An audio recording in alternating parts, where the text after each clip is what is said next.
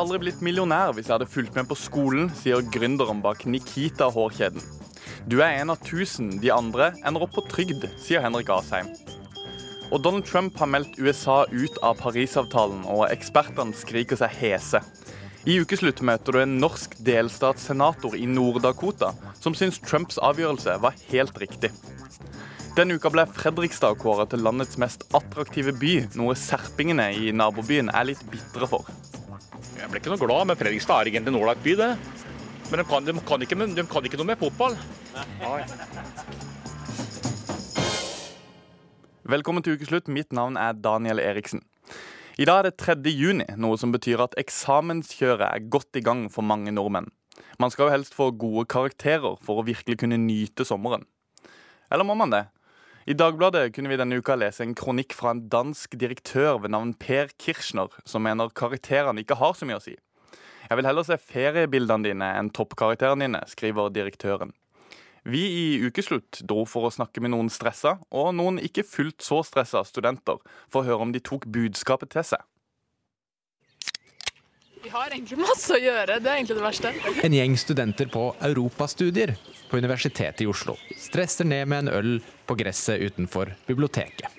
Selv om det er eksamener igjen. Vi må, skrive, vi må skrive ytterligere 2000 ord til i morgen, men uh, vi kjenner at vi er litt ferdige. ass. Er det den artikkelen hvor han er sånn jeg, jeg ansetter deg på grunn av, ikke pga. toppkarakterer? Mm. Jeg så den bare på Facebook, så var jeg sånn Nei, nå har jeg jobbet ræva av meg i tre år, så har det ikke noe å si. jeg tror det var greit at jeg så det etter at jeg hadde hatt eksamen. Det tror jeg streberne trenger å høre, så jeg er glad han dansken sa det. Jeg tror flere trenger å høre det. Så hvem er streberne som europastudentene sikter til? Det er kanskje de som tar molekylærbiologi og helseøkonomi. Vi jobber hardt for karakterene for å oppnå gode resultater. Generasjon prestasjon. Noen høyner snittet, da må de andre under også høyne snittet igjen. Og så bare fortsetter det sånn i en evighet. Selv om det er forferdelig. det skal sies, det er helt forferdelig.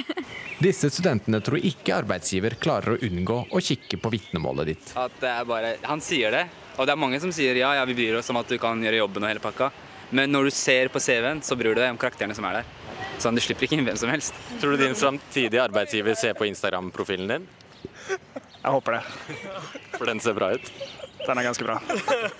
Inger Ellen Nikolaisen, du er gründeren bak frisørkjeden Nikita, som har overlevd i over 30 år og gjort deg til millionær. Fikk du bra karakterer på skolen? Du vet at eh, Jeg tror ikke engang at jeg fikk en karakterbok, for å si det rett ut. Jeg ble jo mor veldig tidlig og droppa ut av skolen. og um, jeg, jeg, var veldig urolig, urolig i klassen, så jeg, jeg har ikke en eneste karakter. Men når du ansetter folk, da, tar du en liten titt på karakterkortet da? Ja, Det som jeg er litt opptatt av som arbeidsgiver, det er jo hvor mye fravær de har. Og Hvis de har mye fravær og lave, dårlige karakterer, så er jo det på en måte logisk. Men hvis de har mye fravær og gode karakterer, så tenker jeg at kanskje har jeg rett og slett foran meg et talent. En som er så smart at eh, han eller hun har funnet ut at de ikke vil være på skolen?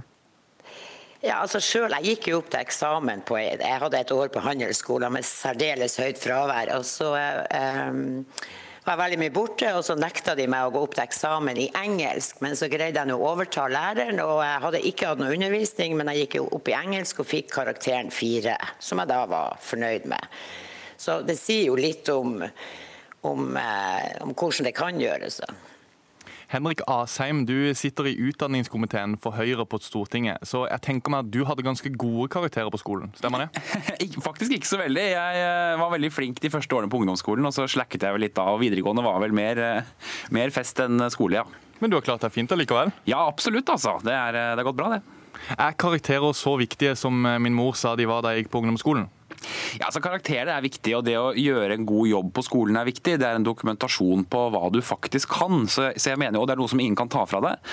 Det du faktisk har lært, og det du har dokumentert at du har lært, det kan ingen ta fra deg. Og jeg synes Det som er litt sånn frustrerende både med den kronikken og for så vidt det som Nikolaisen sier nå, er at dette er unntaket og ikke regelen. ikke sant? Det finnes jo unntakene som ikke får vitnemål, men som ender opp og gratulerer med det, som vellykkede forretningsmenn og -kvinner. Men de store flertallet av de som ikke får vitnemål, ser vi ikke igjen i, i å drive drive svære frisørkjeder. Vi ser dem igjen på trygdestatistikken. Og jeg er veldig redd for at man lager en kultur for å si at det er ikke så farlig, reis heller på ferie på ba til Bali i tre uker. Det er mye viktigere enn å ha lært det du skal på skolen, for det er helt avgjørende for å lykkes. Ikke minst i det samfunnet vi skal inn i i fremtiden, hvor kompetanse kommer til å være kjempeviktig. Nikolaisen, er det ferie på Bali i tre uker du anbefaler til folk? Nei, jeg mener jo, jeg vil jo virkelig at ungdom skal gå på skolen, absolutt. Men igjen, hva er det de blir målt på? Er det på initiativ? Er det på hvor løsningsorientert de er? Ting som de trenger ute i arbeidslivet og, og i livet for øvrig. Eh, Blir de målt på det i, i det hele tatt? Er karakterene, kan de være demotiverende for at de skal greie å jobbe videre? Vi er jo ute etter drivkraft hos folk. Og er, er disse karakterene, gir det ungdommen drivkraft? Det er mitt spørsmål. I tillegg så er det mange som har utvikla den delen av hjernen, bl.a. jeg sjøl, som ser i bilder. Jeg kan ingenting om matematikk, men jeg ser i bilder. Og, og i matematikk så vil jeg ha strøket til eksamen selv i dag. Eh, På, i, i, på, på syvendeklassenivå, garantert.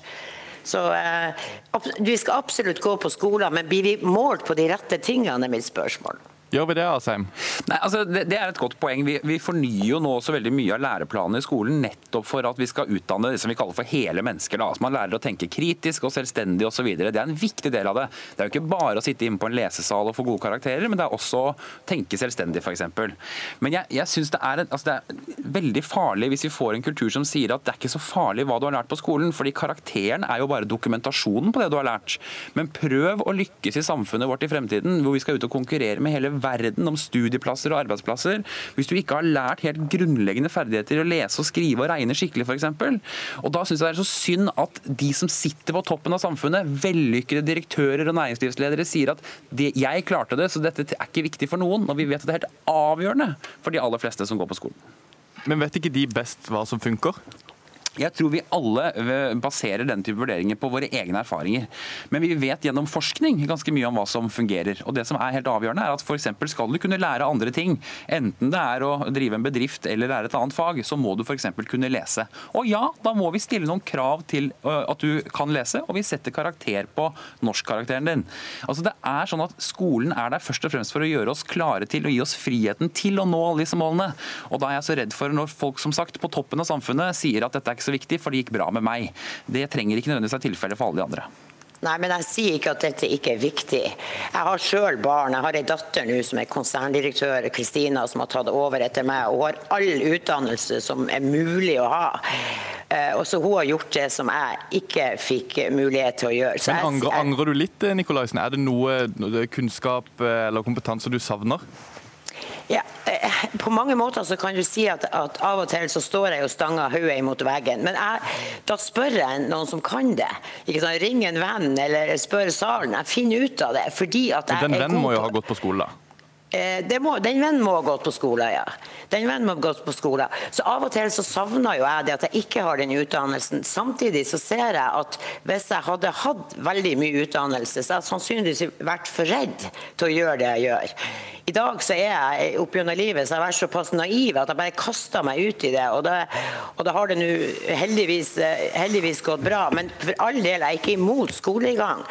Det jeg tenker på, det er at elevene skulle blitt målt på, på ting som er viktige videre i livet, sånn at det ikke er demotiverende for dem. At det også er de sosiale ferdighetene deres som, som det må tas hensyn til. For det er mange som er altfor urolige til å sitte i ro på skolen og lære teoretiske fag, men som kommer til å bli dritgode der ute i arbeidslivet i, i yrker som er viktige. Kreativitet, blant annet.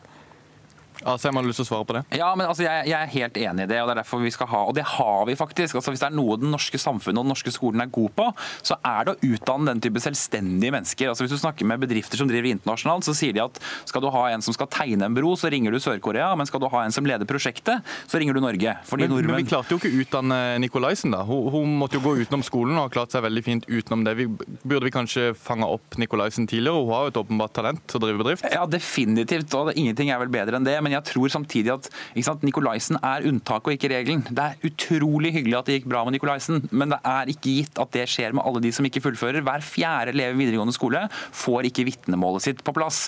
Og hvis du ser på hvor de ender opp i statistikken, så er det som regel utenfor arbeidsliv og utdanning.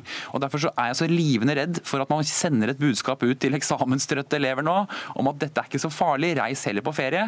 For det er ikke tilfellet. Skal du klare deg i framtidas arbeidsliv, så må du ha kompetansen på plass. Og det kommer til å være viktigere enn da både Nikolaisen og jeg gikk på skolen, for de som nå begynner på skolen. Men når du sier at hver fjerde elev ikke får vitnemålet sitt på plass, så sier jo det meg noe. Og det sier meg at den undervisninga de får, kanskje ikke er inspirerende nok for at de skal stay in school? Ja, vi, nei, altså det, er, det, altså det, kan godt hende, og det er derfor vi også fornyer læreplanene. Men den viktigste grunnen til altså 65% av de som stryker i matte på videregående, nei, unnskyld, stryker et fag på videregående, stryker i matte. Og Det sier noe om de grunnleggende ferdighetene de ikke har fått tidligere i skoleløpet. Sånn at Det er jo ikke gitt nødvendigvis at det bare handler om å ha det gøy og koselig, men det handler også om å gi alle elever grunnleggende ferdigheter. Og det handler også om at elevene må legge inn en innsats selv uh, for å lære det de skal. Vi har ikke altfor mye tid igjen, men Inger Ellen Nikolaisen, Nikita-gründer. Nå er eksamensungdommen i Norge inne i det verste kjøret. Har du noe å si til dem sånn rett før, rett før eksamen kommer? Ja, gjør det. Altså, de må bare gjøre det beste ut av det. Og til den norske skole så vil jeg si det at det er ungdommer. Mange kommer fra litt forskjellige kulturer, noen fra dysfunksjonelle hjem. Skolen sin viktigste oppgave er å bygge selvtillit. Tusen takk for at dere kunne være med, Henrik Asheim, som sitter i utdanningskomiteen på Stortinget, og Inger Ellen Nikolaisen, gründer bak Nikita.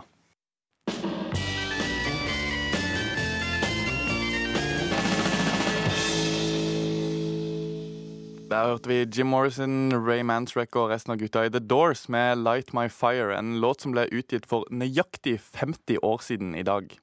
Men vi skal fra LA til Fredrikstad, som denne uka vant statens pris for å være landets mest attraktive by. Gleden var naturligvis stor blant Fredrikstad-folket, men hva syns egentlig serpingene om denne utmerkelsen? Vi dro en tur til nabobyene i Østfold for å finne ut hvor attraktiv Fredrikstad egentlig er.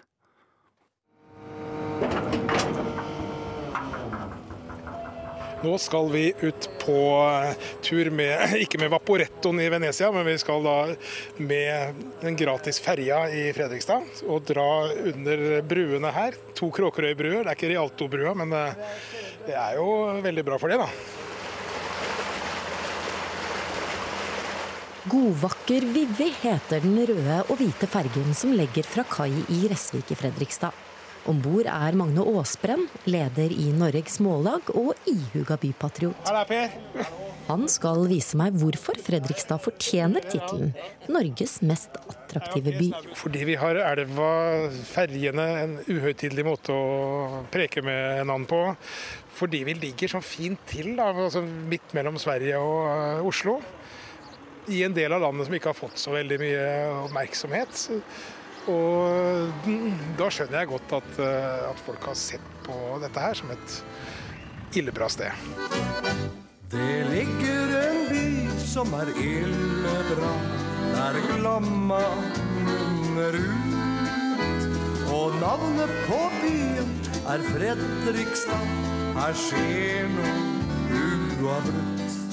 Vi glir gjennom byen i strålende sol. Gjennom sentrum, ser Fredrikstad stadion, Litteraturhuset og statuen av plankebæreren langs Bryggepromenaden. Før vi runder svingen og setter kurs mot gamlebyen. Så kom vi her nå, og nå vi, merker, vi, merker skipperen strømmen her. For nå kommer vi inn og får eh, strømmen fra Glomma. Og nettopp her tar vi en avstikker motstrøms oppover Glomma ca. 15 km til vi kommer til Sarpsborg. På torget sitter sarpingene og nyter solen. Noen har tatt seg en øl. Er det kanskje for å feire at nabobyen har fått en så gjev utmerkelse? Du, hvor glad ble du i går da du hørte at Fredrikstad var kåret til Norges mest attraktive by? Nei, Jeg ble ikke så veldig glad. Jeg tror ikke noe på det heller. Jeg ble ikke noe glad, men Fredrikstad er egentlig en ålreit by, det. Men de kan, de, kan ikke, de kan, ikke, noe med fotball. Nei. Hvordan har du tenkt å feire at um, Fredrikstad i går ble kåret til Norges mest attraktive by? Nei, Jeg skal ikke feire i det hele tatt. Sarpsborg er bedre, vet du. Skal vi se om vi finner denne fantastiske saken med den eh, gode tittelen. Nyhetsredaktør i Sarpsborg Arbeiderblad, Petter Kalnes, viser meg hvordan de har slått opp nyheten om at Fredrikstad er kåret til Norges mest attraktive. Det hadde vært moro om vi jeg fant den der. Endelig en opptur for Fredrikstad. Nei, det var vel ikke noe sånn voldsom eh, jubel akkurat, men eh, det er jo hyggelig for, eh, for Fredrikstad, det. Eh, Fredrikstad er en eh, fin by som, som ligger der nede ved utløpet av Glomma, mens vi her oppe har en stor foss og et eliteserielag i fotball bl.a. Så det er hyggelig at de får en utmerkelse. Det er en sånn evig kamp da mellom byene. Med våre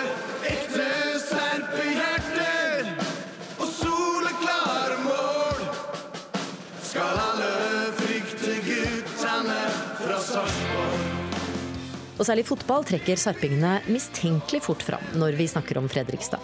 Sarpsborg ligger nemlig på tredjeplass i Eliteserien, mens Fredrikstad har rykket ned og ligger på bunnen av førstedivisjon.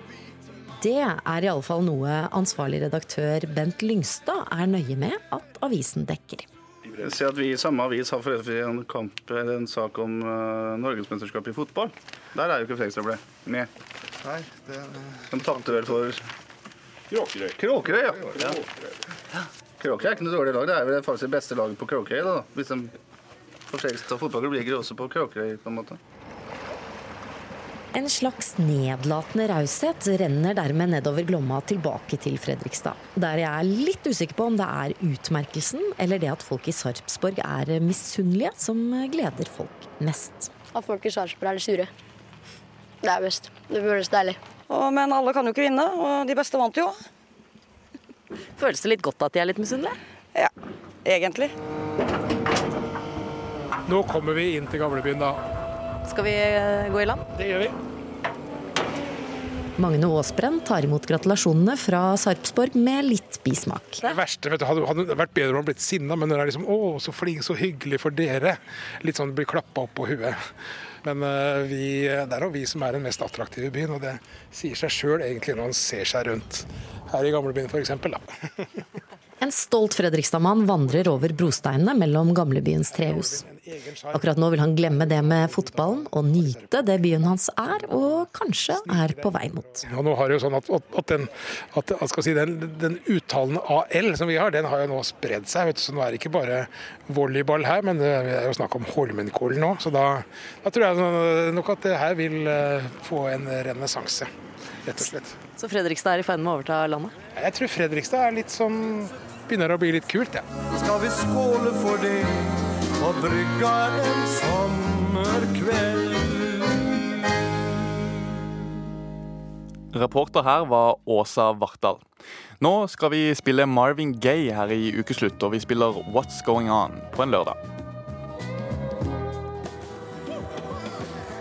Førstkommende torsdag er det valg i Storbritannia, selv om dramaet allerede er godt i gang på andre sida av Nordsjøen. Lenge så det ut som grei skuring for sittende Teresa May, som selv skrev ut nyvalg, men denne uka kom det flere faretruende meningsmålinger, og Labour haler innpå. Denne uka måtte også statsministeren tåle mye kritikk for ikke å dukke opp i en TV-debatt. I dag har vi med oss to stykker som kjenner engelsk politikk svært godt. En Labour-tilhenger og en Tory-tilhenger. Eline Storeide, du bor og studerer i England. Rent partipolitisk tilhører du den konservative fløyen, og du jobber også for en konservativ tenketank i England. Hvordan er stemningen blant uh, toryene nå? Eh, stort sett så har vel folk eh, tenkt hele veien at dette kom til å bli relativt grei skuring. Eh, siste uken har jo ikke akkurat vært eh, topp. Eh, så jeg tror folk begynner å bli bitte litt nervøse, men stort sett tror jeg de fleste fortsatt har troa på at dette blir meg og Conservatives. Før vi tar inn han som skal representere Labour i denne praten, så vil jeg gjerne høre litt, fordi du jobba for brexit-kampanjen. Hva gjorde du med den, og hvordan var det å jobbe med den?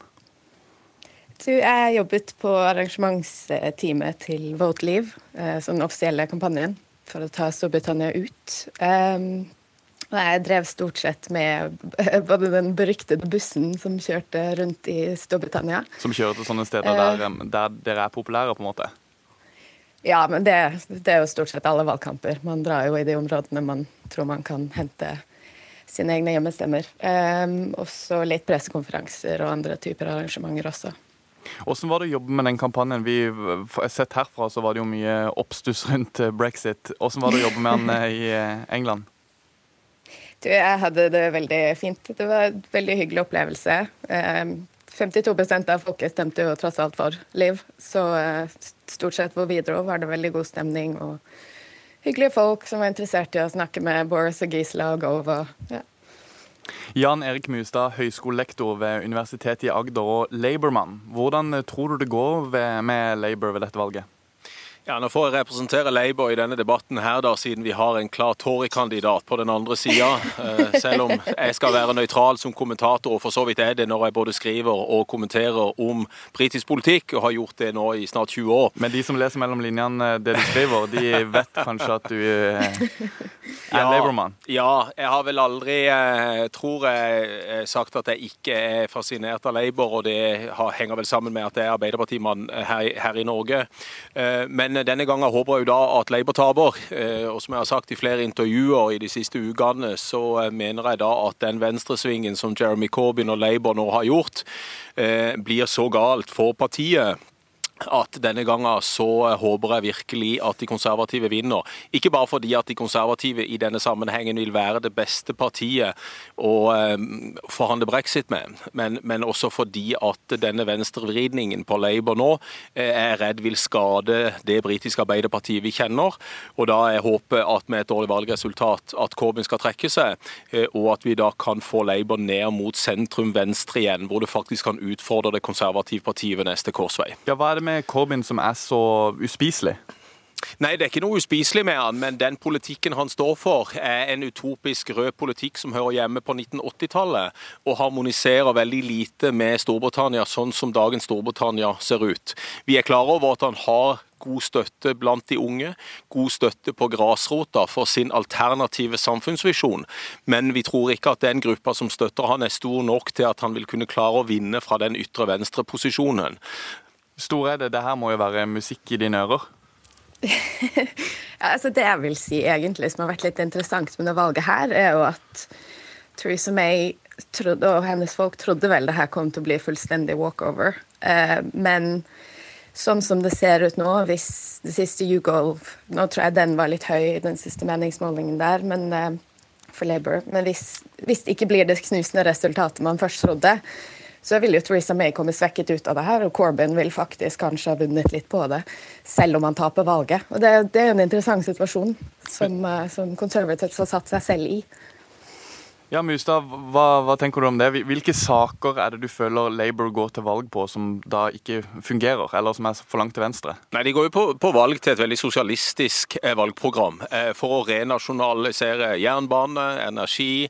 Eh, post. Eh, alle tjenester skal statlig styres. Og ingen av disse er jo statlige nå? Nei, alt dette er privatisert. Eh, og det betyr at han går jo mot den samfunnsutviklingen som vi har hatt siden Margaret Thatcher var statsminister på 80-tallet. Så her handler det jo om å reversere den samfunnsutviklingen som Storbritannia har gått igjennom de siste 30-40 årene. Og det tror jeg ikke en mann som Jeremy Corbyn er i stand til å gjøre så fort som han har lyst til å gjøre det.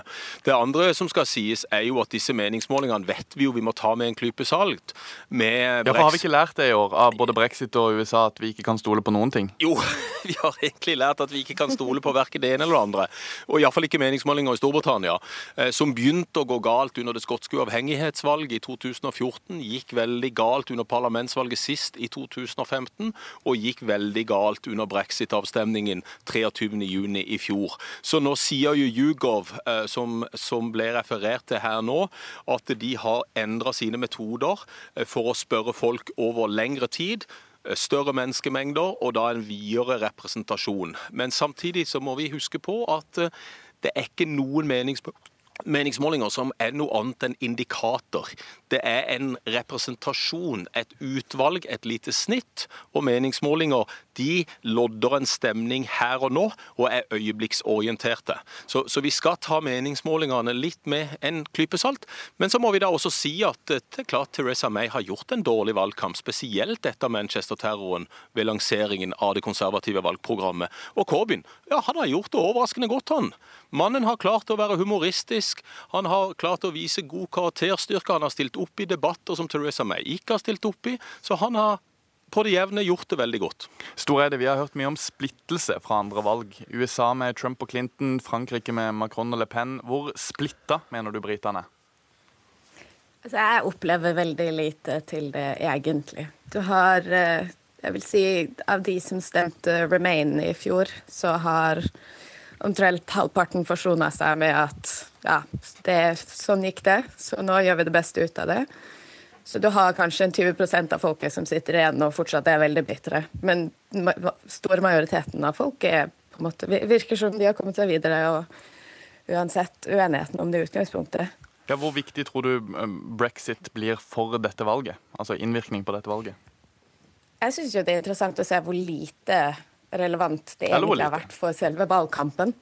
Eh, altså, man skulle kanskje tro at brexit ble det store samtaletemaet i valgkampen, men det opplever jeg ikke at det har vært. Det syns jeg er interessant i seg selv. Det sier kanskje også noe om at media overdriver litt i hvilken grad folk opplever at det er det aller viktigste i hverdagen. Det vil jeg aldri kunne finne på å stille meg bak, men uh, tusen takk for at uh, dere kunne være med, Eline Storeide og uh, Jan Erik Mustad. Aksjemegler og blogger Jan Peter Sissener mener Miljøpartiet De Grønne har tapt valget allerede når de vedtar å stenge igjen oljekrana om 15 år. Han møter Miljøpartiet til duell. Og Fastetiden ramadan er i gang, men det er ikke alltid så lett å forklare hva han går ut på. Det mest vanlige jeg hører i ramadan, er Hæ, kan dere ikke drikke vann engang? Donald Trump har trukket USA ut av Parisavtalen, noe som har fått en hel verden til å reagere. Men hvordan oppleves dette i USA? Janne Myrdal, du er norsk-amerikaner, opprinnelig fra Porsgrunn. Nå valgt inn som delstatssenator for republikanerne i Nord-Dakota, der du driver gård. Syns du det var en riktig avgjørelse av presidenten å trekke USA ut av Parisavtalen? Ja, absolutt. Det var eh, den riktige veien å gå for Amerika. Og han lovte jo det i valgkampen. Så det er litt sjokkerende å, sitte og se nyhetene fra verden rundt, hvor eh, alle land, til og med Kina, har fått helt panikk at vi har trukket oss. Eh, kanskje spørsmålet da måtte være hvorfor er det så panikk, og hvorfor trakk USA seg? Og det er det det lønner seg å snakke om, istedenfor sånn helt eh, hva vi kaller her meltdown eh, eh, hos demokratene her, hvor vi fant ut i går fra demokratene at barnebarna våre får ikke luft i Amerika om, om 50 år pga. det her, og vi får ikke drikkevann, og slike pan, pan, ja, panikkuttalelser. Og nå ser jeg at Kina sa i går når de møtte med EU, at Kina vil alltid respektere regler, sa han som han statsministeren fra Kina. Jaha, sier jeg da. For det, det, er, det, er, ikke noe som jeg er vant til at Kina respekterer regler. Særlig ikke sånne flernasjonale regler. Så nei da, vi er storfornøyde, og særlig her i Nord-Dakota, hvor vi har kullindustri som, som eh, var veldig uh, mot uh, denne Parisavtalen. Ja, Du bor jo i en stat som, uh, som har mye gass, olje og kullproduksjon. Er, er Parisavtalen dårlig nytt for kullarbeiderne i Nord-Dakota? Ja, absolutt. Det er ikke snakk om annet. På hvilken måte? Den, ja, den er, den er dårlig fordi det er, en, det er en, enighet som, som, gir Amerika mer ansvar enn de andre landene. Og det ser du på Trump når han var og snakka med Nato, når han snakka med FN. Han sier at nå, nå er det slutt. Vi har, vi, har, vi har, betalt for mye, vi gjør for mye. Andre land må stå frem og gjøre likedan. ikke sant? Nå, Norge, det vet du både du og jeg, Norge er veldig aktiv, en leder på det her. Men det er vi også i Nord-Dakota. Vi jobber i kullindustrien her. Jeg var der ute bare noen par-tre måneder siden. Og så en enorm innovasjon eh, i prosessen med forskning for CO2. Vi er en av de, de som leder i verden her i Nord-Dakota for å finne svaret på CO2. Og, det må vi også snakke om, forresten. at Det at Trump trakk seg fra Parisavtalen, Amerika trakk seg, betyr jo ikke overhodet at vi har trukket oss fra den hele prosessen med, for, eh, med, forbedring, innovasjon og forskning når det kommer til CO2 og andre ting. Er det media, det er som, media som har det innenfor Trump til enhver tid, altså? Ja, det er jo helt sikkert. Og det, det har dere vel sett her òg, med, med, sånne hoder som er uh, kutta av med blod, og komedieting som går på media her mot Trump. Men det er, er ikke det typisk i historien um, at de som står imot, blir hysteriske, og Trump uh, blir historisk, som andre presidenter har vært tidligere. Han er en sterk leder, det er ikke snakk om annet. Og folk hjemme i Norge vet jeg støtta ikke han til å begynne med. Nå har jeg begynt å bli litt imponert over hvordan han driver med, særlig med utenrikspolitikken hans. Så um, Men du som, du, som, du, som, unnskyld, du som driver gård, er du ikke redd for at, avlingene skal, at det skal gå nedover med avlinger hvis det blir masse ekstremvær i årene framover? Nei, altså jeg tror ikke det. sånn som jeg har snakka med folk hjemme og her i USA de siste få dagene, jeg stoler på at folk vil forbedre seg. Vi, vi vil ha mer innovasjon, vi vil ha mer teknikk for å gjøre det bedre. Jeg, jeg snakker jo om, jeg vokste opp i Porsgrunn, nevnte du.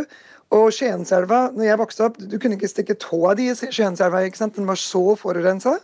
Nå reiser jeg hjem og jeg ser folk bader og fisker laks i Skienselva fordi fordi vi skjønte at oi, her var det forurensning, her må vi gjøre noe. Og det ordna vi, og vi forbedra ting, og det er blitt bra. Vi må stole på det. Vi må stole på at vi som mennesker, og særlig USA her, fortsetter den kampen mot forurensning, fortsetter kampen mot uh, ting som kan gjøre negative effekt både på menneske, menneskene og på business. ikke sant? Så sånne flernasjons um, regler og flernasjons avtaler, særlig denne her, betydde ingenting egentlig og var negativ for vår økonomi. Så jeg skjønner ikke helt hvorfor folk er sjokka at Trump uh, passer på Amerika først. Erna passer vel på Norge først, håper jeg. Uh, Merkel passer på Tyskland først. Det er det de har valgt å gjøre. Så, så det er ikke noe Jeg, jeg forstår ikke helt det sjokket verden rundt. Jeg sitter og leser VG og andre ting uh, på nettet her i, tidlig på morgenen med kaffen. Det er liksom sånn helt ekstrem sjokk, så det, da kan jeg jo begynne å lure på at det var jo derfor Amerika måtte trekke seg, for det var Amerika som som bar all ansvaret for det her, kanskje, økonomisk og på andre måter. For hvis Det står jo jeg tror det er artikkel 18 i denne Parisavtalen at et land kan trekke seg når som helst. Hvis et lite land hadde trukket seg, hadde vi hatt samme panikken? Sannsynligvis ikke. Så, så jeg tror ikke det er noe sjokk her at vi, at vi, at vi stoler på at Trump gjør som han sa han skulle gjøre i i valgkampen. Vi tar med oss disse ordene fra Janne Myrdal, delstatssenator i Nord-Dakota videre, for vi skal holde oss til klima. Nå, det, nå, som USA skal ut av Parisavtalen, betyr det at vi andre må gjøre mer for å kutte utslipp, er det noen som spør. Det syns Miljøpartiet De Grønne, som har vedtatt på sitt landsmøte at oljevirksomheten i Norge skal fases ut i løpet av 15 år. Vedtaket fikk landsmøtet til å juble, men et annet sted i landet satt en aksjemegler og hamra sint på tastaturet. Jan Petter Sissener, du har skrevet flere blogginnlegg på Nettavisen om at du er veldig lei Miljøpartiet De Grønne. Denne uka skrev du at de hadde tapt valget allerede. Ja, jeg tror, og det mener jeg faktisk, jeg tror de tapte valget på det. Fordi det er På hva? På utsagnet om å legge ned norsk oljevirksomhet innen 2030.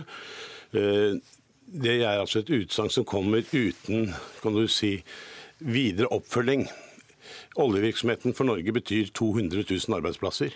Det betyr 15% av statens inntekter. De 200 000 arbeidsplassene skaper ytterligere 100 000-200 000 arbeidsplasser i form av support. I denne si, beslutningen å fase ut norsk oljeproduksjon, så er det jo åpenbart at hvis Norge gjør det alene, så spiller det ingen rolle for det globale miljøet. Det eneste man kanskje gjør, er å få litt skitnere olje. Norge er ganske ledende i, si, i ren oljeproduksjon. Men verden kommer, jo, verden kommer jo ikke til å gråte av at Norge ikke produserer olje. De kommer til faktisk å juble, for da blir andre land rikere. Og er Spørsmålet er hva skal Norge Det er to spørsmål. Hva skal de 200 000 menneskene drive med? Det er det ene spørsmålet. Og det andre spørsmålet, som er vel så viktig, de setter faktisk hele Norge i faresonen. Norske velferdsordningen kan du jo glemme hvis du fjerner 120 milliarder kroner fra statsbudsjettet. Det var to spørsmål som Une Aina Bastholm, talsperson for MDG, eller partileder som det heter i, i andre partier. Det skal du få lov til å svare på. Ja, takk. Kan jo begynne med å si Det er ca. 180 000 som jobber i tilknytning til næringa, oljesektoren. Og Da inkluderes også dem som jobber i supply og er tilknytta næringa. Så det er til sammen veldig mange. Uh, og det som også er viktig å si tidlig, som er kanskje den ene tingen jeg og Sissener kan være enige om, er jo at oljeeventyret har vært veldig viktig for Norge, og alle de arbeidsplassene er veldig viktige for Norge i dag. Men nå vil dere ha slutt på eventyret? Ja, men det er noe med tilbake til det han sa om at vi ødelegger velferdsstaten. fordi at De arbeidsplassene er først og fremst viktige fordi det er folk i jobb som betaler en inntektsskatt, og det er bedrifter som betaler skatt. Hvis vi ser på hva velferdsstater rundt oss uh, er bygd opp av, så er det at folk stort sett er i jobb og betaler skatt. Uh, Sverige har ikke noe økonomi. Det har heller ikke Danmark, og det er en land som vi er glad i å sammenligne oss med. Når vi sier at vi vil at Norge skal ha som mål å fase ut oljenæringa i løpet av 15 år, så det er fordi at vi tror det er veldig viktig at vi setter oss eh, en cirka-dato, i hvert fall et mål om hvor lang tid den utfasinga skal ta, fordi vi også trenger å bruke virkemidler til å bygge opp andre arbeidsplasser. Og det vi ser i dag er at regjeringa til og med har begynt å innrømme at vi skal ut av oljealderen etter hvert, men man er ikke villig til å sette inn de virkemidlene man i dag f.eks. bruker på sokkelen til å få mer oljevirksomhet, heller inn i andre grønne næringer, som f.eks. Og her kommer sektorene hvor Norge bør ha veldig gode, gode forutsetninger for å få til mer arbeidsplasser, nemlig Eh, alt av maritimt, altså fisk og, og, skipsfart. Der regner man med at det kan være uh, opptil 15 000 arbeidsplasser bare ved at vi setter i gang det grønne skiftet, elektrifiserer skipsfarten, bare... gjør oppdrettsnæringa bærekraftig. Du har kalt, du har kalt MDG for grønne kommunister, bl.a. Det er det vel ingen tvil om hvis du har sett på den politikken de kjører i Oslo. Men la meg svare på de utfordringene. Jeg sier ikke at ikke jeg er, ønsker klima, altså at vi skal ta klimaendringene på alvor. Nå kan vi være enige eller uenige i hvor mye av det som er menneskeskapelig menneskeskapt og menneskepåvirket. Ja, tross, alt, så, tross, alt, tross, alt, så, har klimaet endret seg i fem millioner år. For 1000 år siden så var det isfritt i Norge. Så at dette er en kontinuerlig prosess, uten at jeg kan forklare verken hva eller hvorfor, og sånt nå, det har ikke noe med det som er angrepet på Miljøpartiet De Grønne denne gangen. Det at du kommer med et forslag som overhodet ikke er tenkt igjennom. Skal hele verden fase ut sin oljevirksomhet? Men vi hadde jo, vi hadde jo 50 av verdens energibehov i dag dekkes av olje og gass. Hvor skal du få de fra i dag? Du skryter mye av fornybar energi. Samlet fornybar energi, inklusive all vannkraft som finnes i verden, utgjør 2-3% Det er ikke lett da. Da skal du 17-doble det. og Det har du ikke tid til. Men Økonomer bruker å være interessert i tendensen over tid og hvordan det nå utvikler seg. og Det som er mest tydelig på energisektoren nå i verden, er hvordan fornybar energi holder på å revolusjonere hvordan stater planlegger sin energimiks eh, rundt omkring. Og Det får direkte konsekvenser for Norge som eksport av et produkt som er fossilt. Og det er fossil energi som er hovedgrunnen til at vi har de klimaendringene vi har nå. Det er den store bruken som skjedde fra industrialderen og etter det. Eh, med, eh, av olje og kull og gass, som er hovedårsaken til at vi har de problemene vi er eh, i nå. Og Det har Parisavtalen hatt som mål å gjøre noe med, og statene er i gang. og Norge kan ikke sitte og lukke øynene for det. Er du enig i Parisavtalens mål, Jan Petter Sissener? Det er klart jeg er enig. Altså, det er ikke noe vanskelig å være enig i at vi skal ønske å begrense temperaturendringene skifte så mye vi kan, og vi skal alle bidra til det. Den, så vidt jeg, jeg hørte på Trumps tale i går, for jeg satt på flyplassen i New York. Og eh, jeg må si at Hvis de argumentene han kommer med er riktige, det kan ikke jeg bedømme, jeg har ikke lest avtalen. En, eh, at han skal betale alle regningene, og at eh, hvis alle var compliant med det som var intensjonene der, så skulle man spare hva han sa, 0,3 graders endring fra nå til 2100. Jeg lover at ingen vet hvordan verden ser ut i 2100. Det viktigste for meg også der er at alle landene er ikke likt kommittert. Det virker for meg som Parisavtalen er en drømmeavtale som savner rot i, si, i forretningslivet og det praktiske gjennomførbarhet. Hvis det er riktig at Kina ikke er kommittert før i 2030, hvorfor skal man da skal man fortsette å eksportere amerikanske arbeidsplasser til Kina? Er det det man skal? Er det det verden ønsker? Da, da blir det en veldig ubalansert avtale. En helt annen side av saken også at denne avtalen er jo ikke ratifisert av Kongressen slik den burde ha vært, og slik den har vært i de fleste andre land. Sånn, du, du, snakker jo om store forandringer som skal gjøres i det norske samfunn. Sammenlignet med USA, og Russland og Kina så forurenser vi jo ganske lite. Forstår du Sisners skeptiskhet til dette? da? Disse store forandringene over veldig kort tid? Ja, Målt etter innbyggertall så forurenser vi veldig mye. Hvis du regner med de utslippene som kommer når olja eh, kommer i bruk og blir til energi. og Det er det som er hovedutfordringa med oljesektoren. og Det er jo utslipp vi ikke regner med i dag når vi regner med norske utslipp. Eh, altså Utslippene fra olje og gass når de går inn i en forbrenningsmotor eller en ovn, og blir til energi. Da er det sånn at Norge står for ca. 2% av de globale utslippene av fossil energi, og vi utgjør ca. 0,7 promille av verdens befolkning. Men Sissener har nå vært innom flere myter, så det er sånn viktig å komme tilbake til noen av de. Altså, det ene er jo at norsk olje er så ren. Og Det er eh, en veldig feil påstand. En ting er hvor god Norge er til å eh, ha en renere utvinning av olja. Det er jo litt tvilsomt om vi er på topp der, men la oss si at vi hadde vært på topp der, så uansett ikke der de eh, største utslippene er, for de kommer akkurat eh, som jeg nettopp sa, da, når olja kommer i bruk. Eh, det andre er at Norge er så oljeavhengig. fordi Jeg tror det sitter mest i hodet, og derfor kan vi være glad for at Sissener ikke sitter på Stortinget. For de aller fleste er enige om at vi er nødt til å fase ut olja. Det anbefaler også IMF at vi gjør, fordi vi har en veldig sterkt oljedominert økonomi som er sårbar for eh, verdensprisene eh, på verdensmarkedet. Mm. Nå må jeg få svare litt her. For dette var en fantastisk regnestykke. Vi eksporterer noe. Og så går de inn i en forbrenningsmotor eller en ovn, og så tar vi det utslippet de gjør, og deler på antall folk som bor i Norge. Det, det der var en fantasimatematikk. Det er utslipp som Norge har ansvar for. Nei, men, At- nå, at vær så kommer snill, da. opp i Vær så Nå, nå snakket jeg. Da skal jeg komme tilbake til det. så Og så- er det slik at Hvis vi slutter å eksportere olje i morgen, tror du verden bruker noe mindre olje? Vi skal ikke slutte å eksportere i Nei, morgen. men I 2030, da? Tror du verden slutter å bruke noe mindre olje? Folk gir vel bengen i hvor de får oljen fra, og verden flyter over olje. Skal vi ikke være gode eksempler? Vi skal være, dette blir litt det samme som vi skal gjerne være gode eksempler sammen med alle andre. Og Jeg har ikke sagt et ord om at ikke vi skal fase ut du har ikke spurt meg om det heller, fase ut oljevirksomheten. Det skal vi naturligvis gjøre. Vi må satse på andre langsiktige levedyktige virksomheter. Men du sa jo du ville ha eh, olje i Norge om 100 år også. Vi kommer, til, vi kommer til å ha oljeproduksjon i Norge om 50-60-70 år. Eh, Johan Sverdrup, som nå ferdigstilles eh, for produksjonsstart i 2019, kommer til å produsere i 40-50 år, der det kommer frem til 2070. Det kommer felter etter det. At vi kommer til å være en oljeproduserende nasjon om 100 år, er jeg ganske sikker på. Hvis etterspørselen etter det er der. Og jeg har ikke sett noen løsning i dag på hvordan du skal erstatte 50 voksende energibehov i verden. Energibehovet i verden vokser jo. Du har én milliard mennesker som ikke har eh, tilgang til strøm. Ok, Så kan de få litt sol, men det tar litt tid. Bare som Det høres ut som vi kommer til å fortsette å pumpe opp 300 millioner gamle trær og pumpe de ut i samfunnet vårt, uansett hva som skjer her, altså. Eh, Ja, det gjør vi nok ikke. Eh, Markedene for fornybar energi er allerede i gang, og fornybar energi har veldig mange fordeler eh, framfor fossil energi, som gjør at når landene først får opp den teknologien og er i gang med å bruke det, så det, er det veldig attraktivt. Så det er jeg ikke så veldig redd for. Men det trenger jo politiske virkemidler. og Grunnen til at vi har en fornybar revolusjon nå, eksempel, er jo at Tyskland har gått foran og, og gitt støtteordninger til solenergi. Storbritannia gjør det samme med havvind.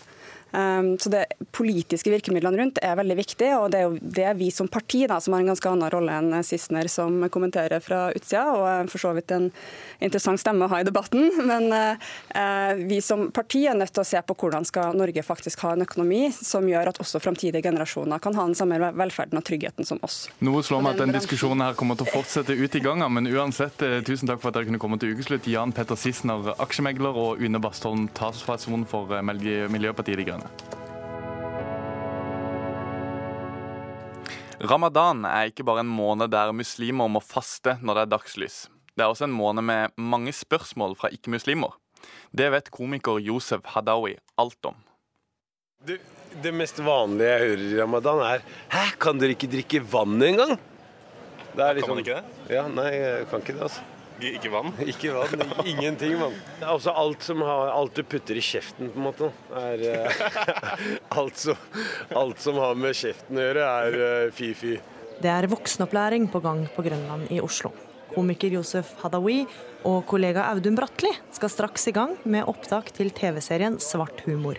Men det er noe de må snakke om først. Jeg, jeg er veldig nysgjerrig på ramadan, så jeg spør alltid om ting og tang er ramadan. Eh, Er, det liksom, er dette lov i ramadan? Er dette lov i ramadan? Er det lov med mikrofon og kamera i ramadan?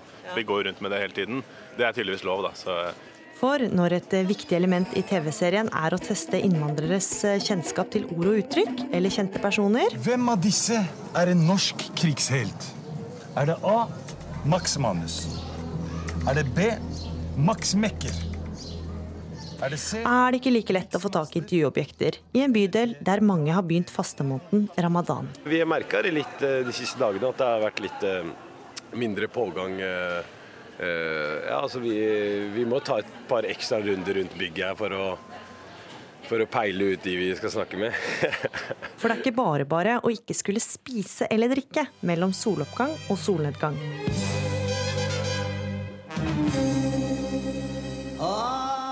Det er natt i Oslos gater. Men jeg er på en restaurant der det yrer av liv. Endelig kan muslimer som faster, spise igjen. Han har fått litt mye. Aysar ler av kollegaen som bare orka én bit av desserten sin. For det er vanskelig å begrense seg når man er sulten. Vi har spist miksegrill, og så med ris og salat. Åt, eh, innan, innan vi åt mat, vi åt dadler med yoghurt. Yoghurtdrink. Fem dager uten mat på dagtid har vært bra for ham, mener Aysar. Det er bra for kroppen, tykker jeg. Det beste er jo at eh, du får eh, mye, mye, mye god mat. For når sola går ned, vanker det ekstra delikatesser, kan Dilan fortelle. Mamma driver ikke og lager sånn ekstra god mat hver dag, men når det kommer til ramadan, så er det sånn Ja, alt ligger der. Vannmel fra, fra med vannmelon til de godeste tyrkiske rettene du kan finne, liksom. Men på dagen når man ikke kan spise mat, tenker man mye på mat, kan gutta på nabobordet avsløre. I morgen, da jeg våkner klokken tolv, da er jeg sulten igjen. Og hva gjør du da? Da er det testen, da er testen starta. Da, da, da faster det.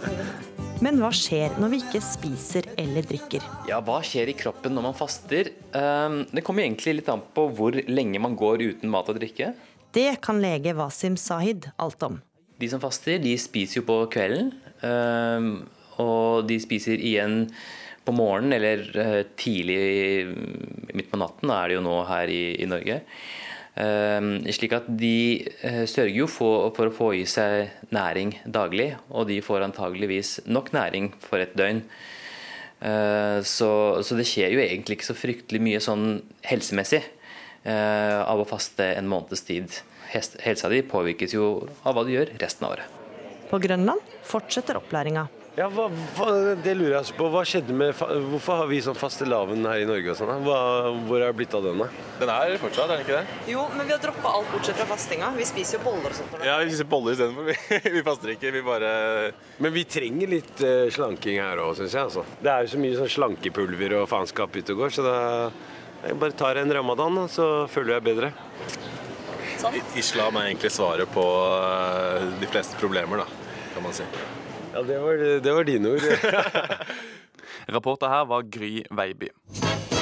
Det var det vi hadde i Ukeslutt denne uka. Husk at du kan laste ned Ukeslutt som podkast. Eller så kan du gå inn på radiospilleren vår på nettet og høre akkurat når du vil. Adressen til den er radio.nrk.no.